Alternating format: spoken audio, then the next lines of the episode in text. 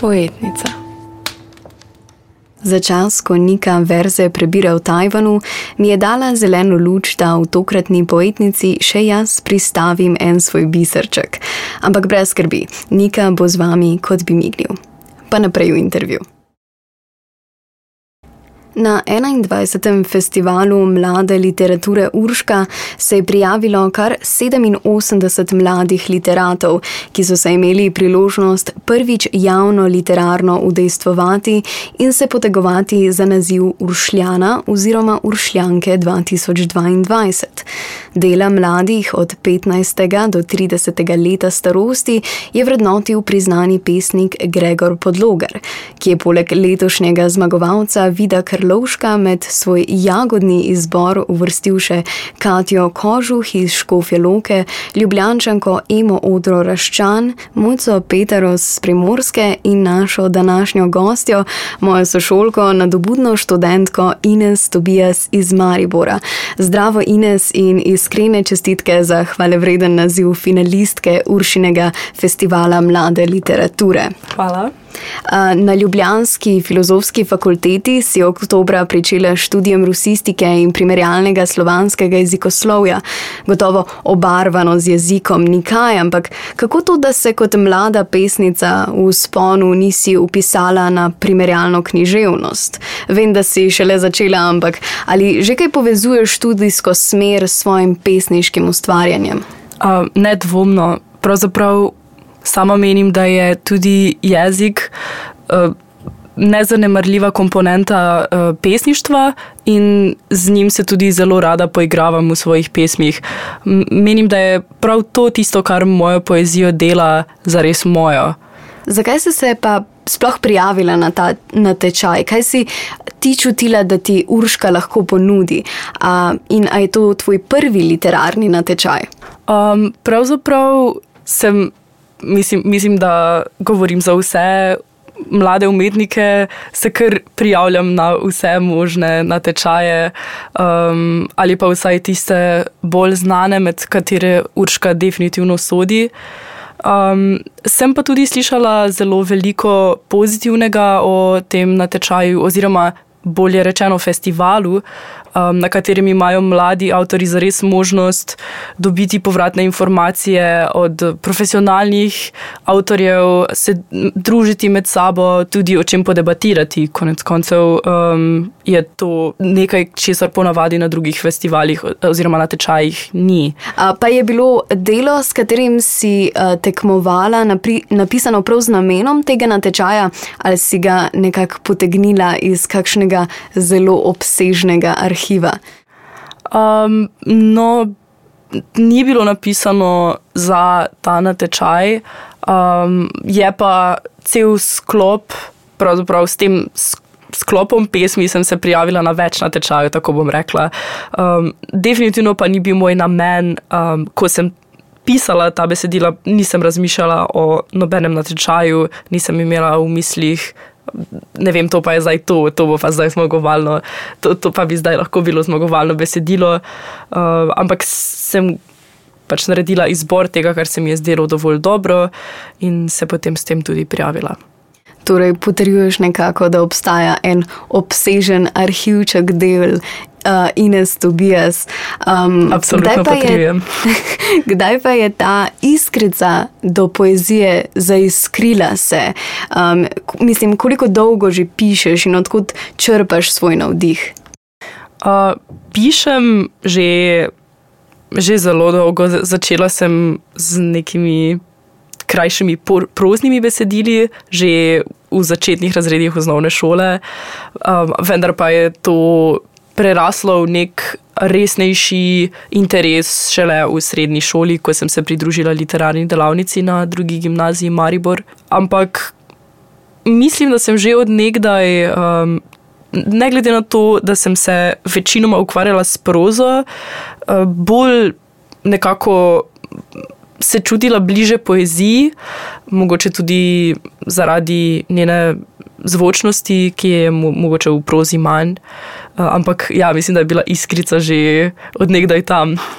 Kako pa bi ti opisala svojo poezijo in ali se po vsebini, tematiki razlikuje od uh, tvojih proznih del? Ja, um, definitivno se. Veliko, velik del moje poezije je zelo razmišljujoč, zelo um, eksistencialističen, skoraj. Um, se pravi, se ukvarja s filozofskimi vprašanji ali pa z nekimi.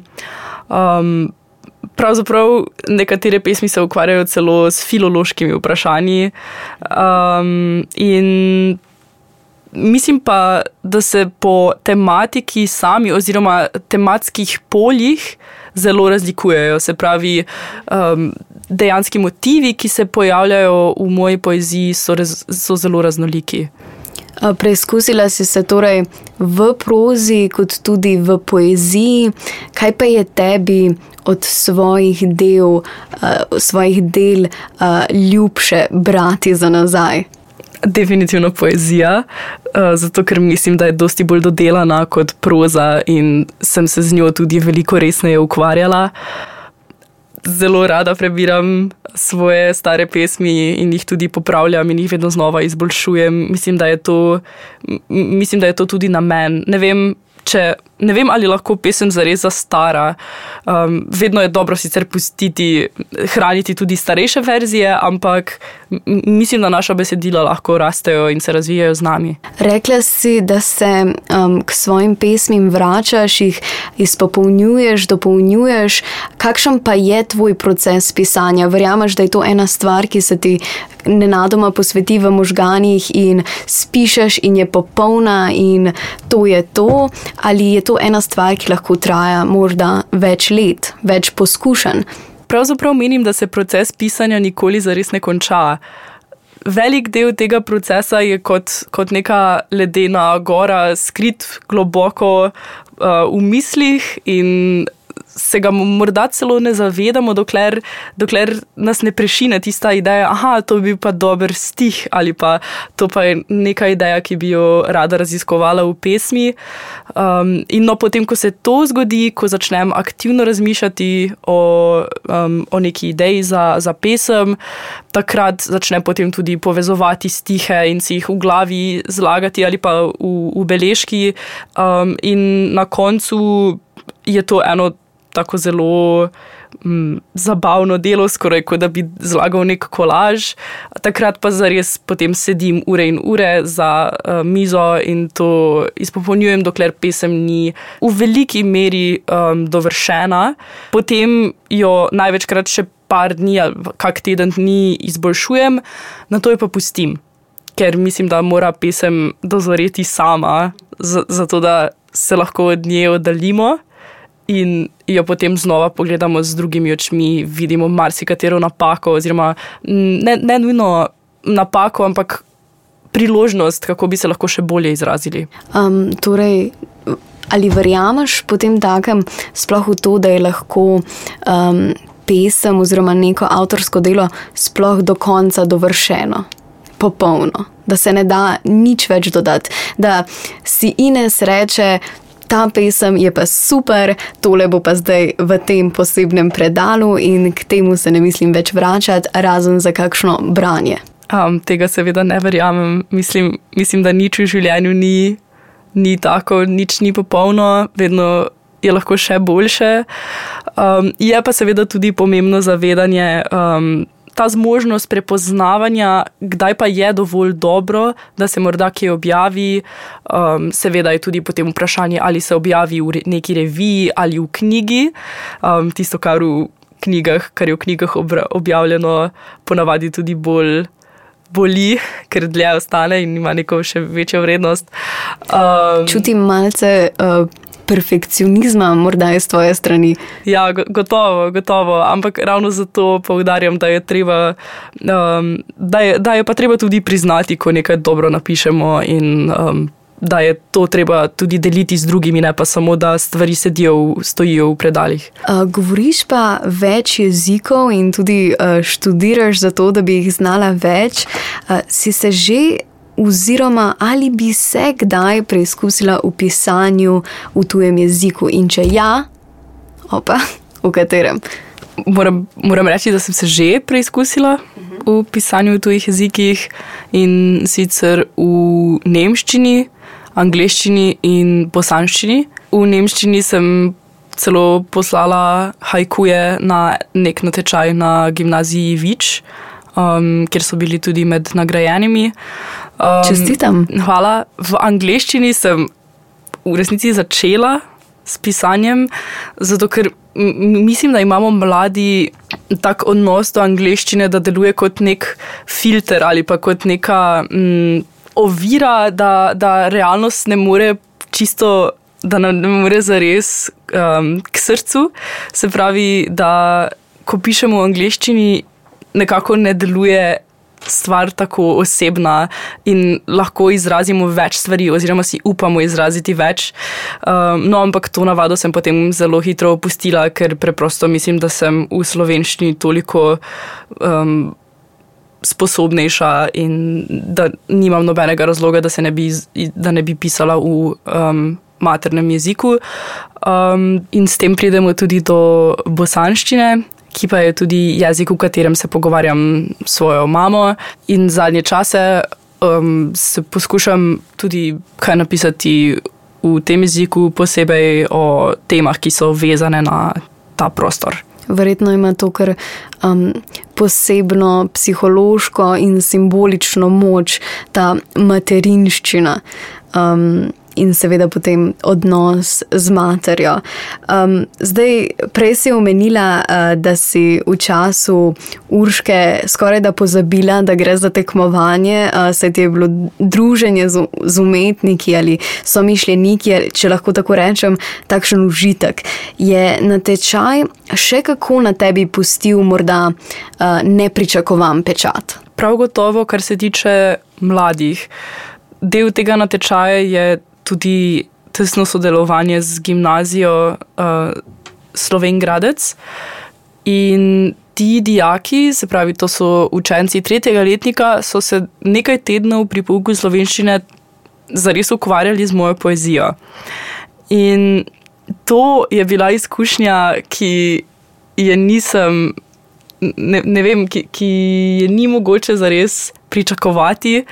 Um, zato, ker sem nekako res mislila, da bo ta njihov interes, če bo kdo sploh imel interes, pogojen s tem, da so se o tem učili v šoli, oziroma da bodo nekako prisiljeni v to, da, da to pač delajo, tako kot bi delali katerega koli drugega slovenskega slovenskega pesnika, ki jih v resnici ne zanima, ampak so dijaki v nasprotju z mojimi pričakovanji pokazali toliko zanimanja za me in za mojo poezijo, za, za poezijo nasploh.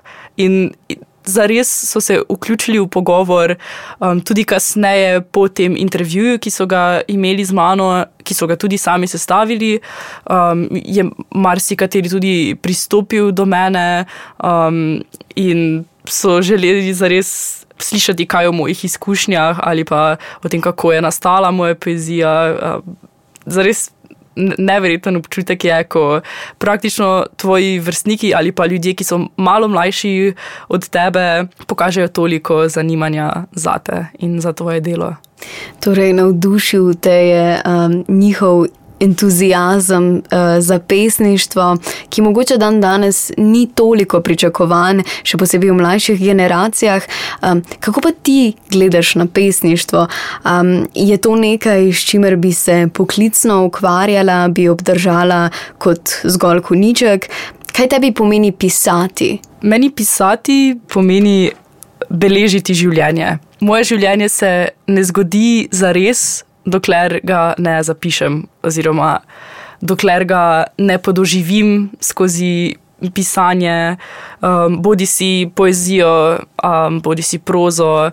Ampak mislim, da imam to nujo v sebi, da to, kar doživim, nekako predelam um, in kot, kot da bi življenje fotografirala in bi potem zlagala um, slike v album in izrezala še kak dodaten okrasek in uh, zadevo olepšala, tako jaz vidim poezijo. Um, zdaj, če bi imela v življenju možnost, da bi to preraslo v moj poklic, mislim, da bi jo zagotovo vzela, ampak to ni v, v ospredju.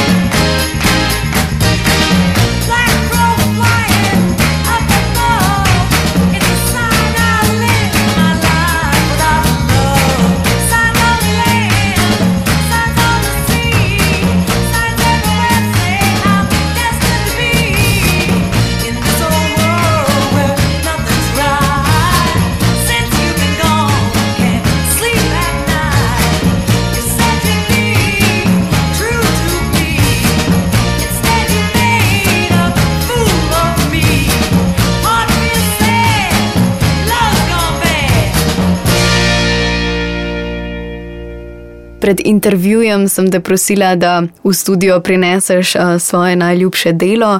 Um, katero je um, in zakaj si ga izbrala? Torej, kako je naslov? Naslov te pesmi je Imperativ. Nikakor ne bi mogla reči, da je moje najljubše delo, ker mislim, da se je do tega zelo težko opredeliti. Je pa eno izmed mojih priljubljenih.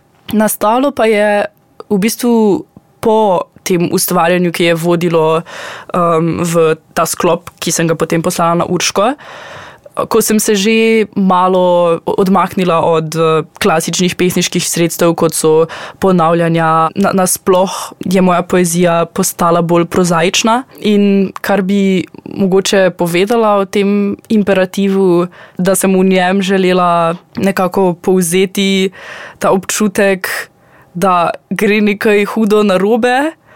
In mi, kot družba, oziroma tudi kot, kot posamezniki in kot družba, se pretvarjamo, da je vse v redu, oziroma se od nas nekako pričakuje, da se bomo ravnali po nekih družbenih normah. V bistvu pesem govori o o družbenih normah, ki grejo zelo veliko krat popolnoma na, na vzkriž z logiko ali pa s tem, kaj mi občutimo, um, kaj bi se nam pravzaprav zdelo dobro. In iz tega izhaja tudi naslov imperativ, ki je morda malo jezikoslovni izraz, uh, ampak izraža ravno to moranje. Se pravi, da smo kot udeleženec oziroma član današnje družbe primorani k nekim k upoštevanju nekih butastih majhnih pravil. Imperativ. Ne vabimo ga na čajanko, morda ne mara kolačkov. Nihče se ne boji baobava, to nas čaka pod posteljo. Vre, vre pod tlemi, mi poslušamo zvoke kitov. Čakajmo za najmehkejšo smreko, da se zajček ne prestraši. Kaj ti, če se on prestraši, potem lahko mi le rodimo svoje srce. Ogen grizlja prste, ne boli, ne podcenjujmo oči uma, ne zaljubimo se še, vložimo čustva, naj prezimijo v kozarcu. Lava pljuska, Tiho lava, mi imamo pilates. Um, pa ti s tem, uh, s to pesmijo imperativ, postavljaš imperativ v smislu, da zavračaš to stanje družbe, da so neke družbene norme, uh, katere moramo konstantno uh, dosegati. Ja, mislim, da se to pojavlja od najmanjših, naj, najbolj nepomembnih norm, kot so recimo na začetku pesmi. Um, Čajanka, um, nekaj, kar je čisto tako, vsako, lahko čisto vsakodnevna situacija, potem, glede katere si mi potem delamo grozne skrbi in nas je strah, kako butasto bi lahko izpadli, če naredimo nekaj narobe. Pa vse do tistih situacij, ki so zares kritične, um, kjer bi kot posameznik morali odstopiti od družbene norme in narediti nekaj, kar je morda videno kot nesprejemljivo. Se pravi, zdaj govori, govorimo. Um, Ne vem, mogoče kakih oblikah protesta ali pa kaj podobnega, um, pa tega ne storimo, zato ker pač se vsi pretvarjamo, da je vse v redu. Mm, všeč mi je, da v, tvoji, uh, v tvojem literarnem opusu uh, je zaznati veliko kritike in protesta uh, glede vsakdanjih zadev, s katerimi se spoprijemamo.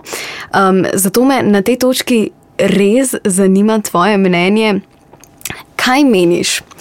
Ali je prav, da razglabljamo o pomenih uh, pesmi in verzov, da jih um, analiziramo in se potem prerekamo, katera interpretacija je prava, um, ali si mnenja, da je interpretacij toliko, kolikor je glav? Torej, interpretacij bo vedno toliko, um, kot je glav, seveda, temu seveda ni možno oporekati. Je pa absolutno nujno, da se ravno iz tega razloga o njih tudi pogovarjamo. Marsikdo ima morda neko zelo interpretacijo pesmi, ki je zelo oddaljena od tega, kar je avtor želel sporočiti. Menim, da lahko s tem zelo narobe interpretira nekatere stvari kar je v nekaterih uh, pesmih celo morda namen, uh, se pravi, ko pride do abstraktnejših besedil, je veliko krat to tudi avtorjeva želja. Ko pa govorimo o zares družbeno kritičnih pesmih, pa mislim, da je nujno, da se o njih razglablja in da se interpretacije tudi podprejo z literarno teorijo, z logičnim sklepanjem, in ne samo, da se potem ta besedila uporabljajo in zlorabljajo kot celo propagando za eno ali drugo stran. Torej, veliko krat smo že bili priča čemu takemu v zgodovini in menim, da je zaradi tega tudi literarna veda zelo potrebna. Imaš izkušnje s pisanjem protestne poezije? Ali je mogoče to ena stvar, ki bi te zanimala v prihodnosti, je mogoče preveč zastrašujoča, ob njej vidiš mogoče malce, da si preveč na odprtem? Ne bi rekla, da se bojim tega.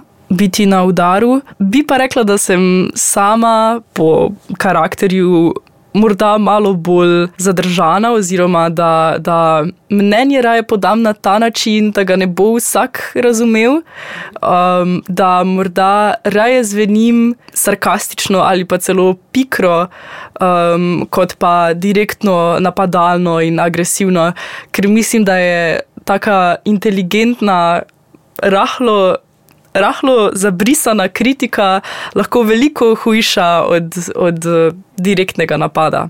Kako pa ti stojiš s kritiko, kako jo dojemaš? Kritiko mojih besedil, misliš? Mogoče na splošno, oziroma tudi če si bila ti kdaj deležna kritike svojih del. Mislim, da je na kritiko, vsaj za me, vedno težko gledati neosebno, vsaj na začetku. Um, če me kdo kritizira, se najprej vedno prisilim, da preživim tistih prvih nekaj minut po kritiki, um, ker sem sama tudi zelo čustven človek. Um, In menim, da je modreje reagirati malo kasneje, ko se, ko se um, ko se lahko res oddaljim od svojih besedil, ki so zmeraj prepojena z, tudi z mojim osebnim življenjem in je potem kritiko besedil zelo težko dojemati kot neosebno, čeprav to v bistvu je. In zato, ko si vzamemo nekaj časa, um, je potem možno gledati na kritiko kot nekaj konstruktivnega, nekaj, kar nam bo pomagalo izboljšati na, naš pesniški slog. Mislim, da je kritika zelo zdrava, za, posebej za mlade pesnike, um, zato da se pravzaprav navadijo na, na ta svet, kjer bodo kritike vedno deležni, in tudi da se navadijo sprejemati mnenje drugih, ki je vedno še, en, še ena perspektiva. Tudi če, če ugotovimo, da se z njo ne strinjamo, jo pa moramo vsaj nekako vzeti v zakup. Se razume. Um, zdaj, ko smo že pri kritikah, pred kratkim si na fakulteti imela seminarsko nalogo o Platonovem zavračanju vsega, kar je umetnost. Uh, kako ti je bilo kot umetnici uh, prebirati njegovo argumentacijo? zelo zabavno. Pravzaprav. Po eni strani lahko razumem, zakaj je imel tako mišljenje, in mislim, da je antična umetnost bila tudi v veliko pogledih drugačna od. Te, ki jo imamo danes, um, in njena vloga je bila veliko krat tudi prav to zrcaljenje resničnosti, um, kar Platon potem tudi kritizira. Se pravi, um, resničnosti ni treba še enkrat zrcaliti, treba se ji približati. Um, dan danes pa, oziroma vsaj moje videnje poezije, pa je ravno nasprotno. Menim, da je poezija vedno obogatena, nek, oziroma temelji na nekih spoznanjih, ki so lahko tudi filozofska ali pa na naših osebnih izkušnjah, torej na zelo globokih stvarih in ne samo um, na zrcaljenju um, ali pa nekih cenenih iluzijah, kot to opisuje Platon. Se pravi, mislim, da je določena poezija, da bi določeni tipi poezije um, lahko Platonu bili zelo všeč dan danes. Moram reči, um, na začetku sem te predstavila uh, kot nadobudno študentko uh, in res se mi zdi, da na faksu uh, v narekovajih kar žariš. Moram pa priznati, da uh, dokler nisi začela uh, govoriti o uh, literaturi in o poeziji, te še nisem videla tako žareti. Um, tako da na tej točki te lahko samo še vprašam, um, ali je drzno um, trditi, da te lahko poslušalci in seveda bralci pričakujemo še več na tej umetniški um, sceni kot avtorico.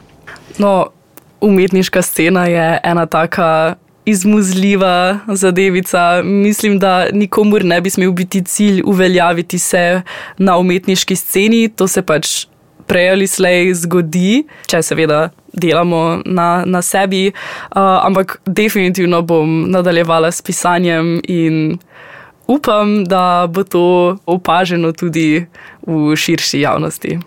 No, Ines, uh, iskreno se veselim in veselim se branja um, tebe in tvojih del. Um, za konec bi te prosila še za en svoj sočen predlog, uh, kakšne pesniške zbirke ali kakega drugega literarnega dela, morda tudi avtorja. Če lahko predlagam avtorje, potem bi definitivno predlagala uh, Miklauža Komelja kot uveljavljenega slovenskega pesnika. Kar se pa tiče zbirke, bi pa predlagala radosti pisanja od uh, Vislave Šimborske. Ja, super, se beremo. Uh, Ines, hvala za obisk. Hvala.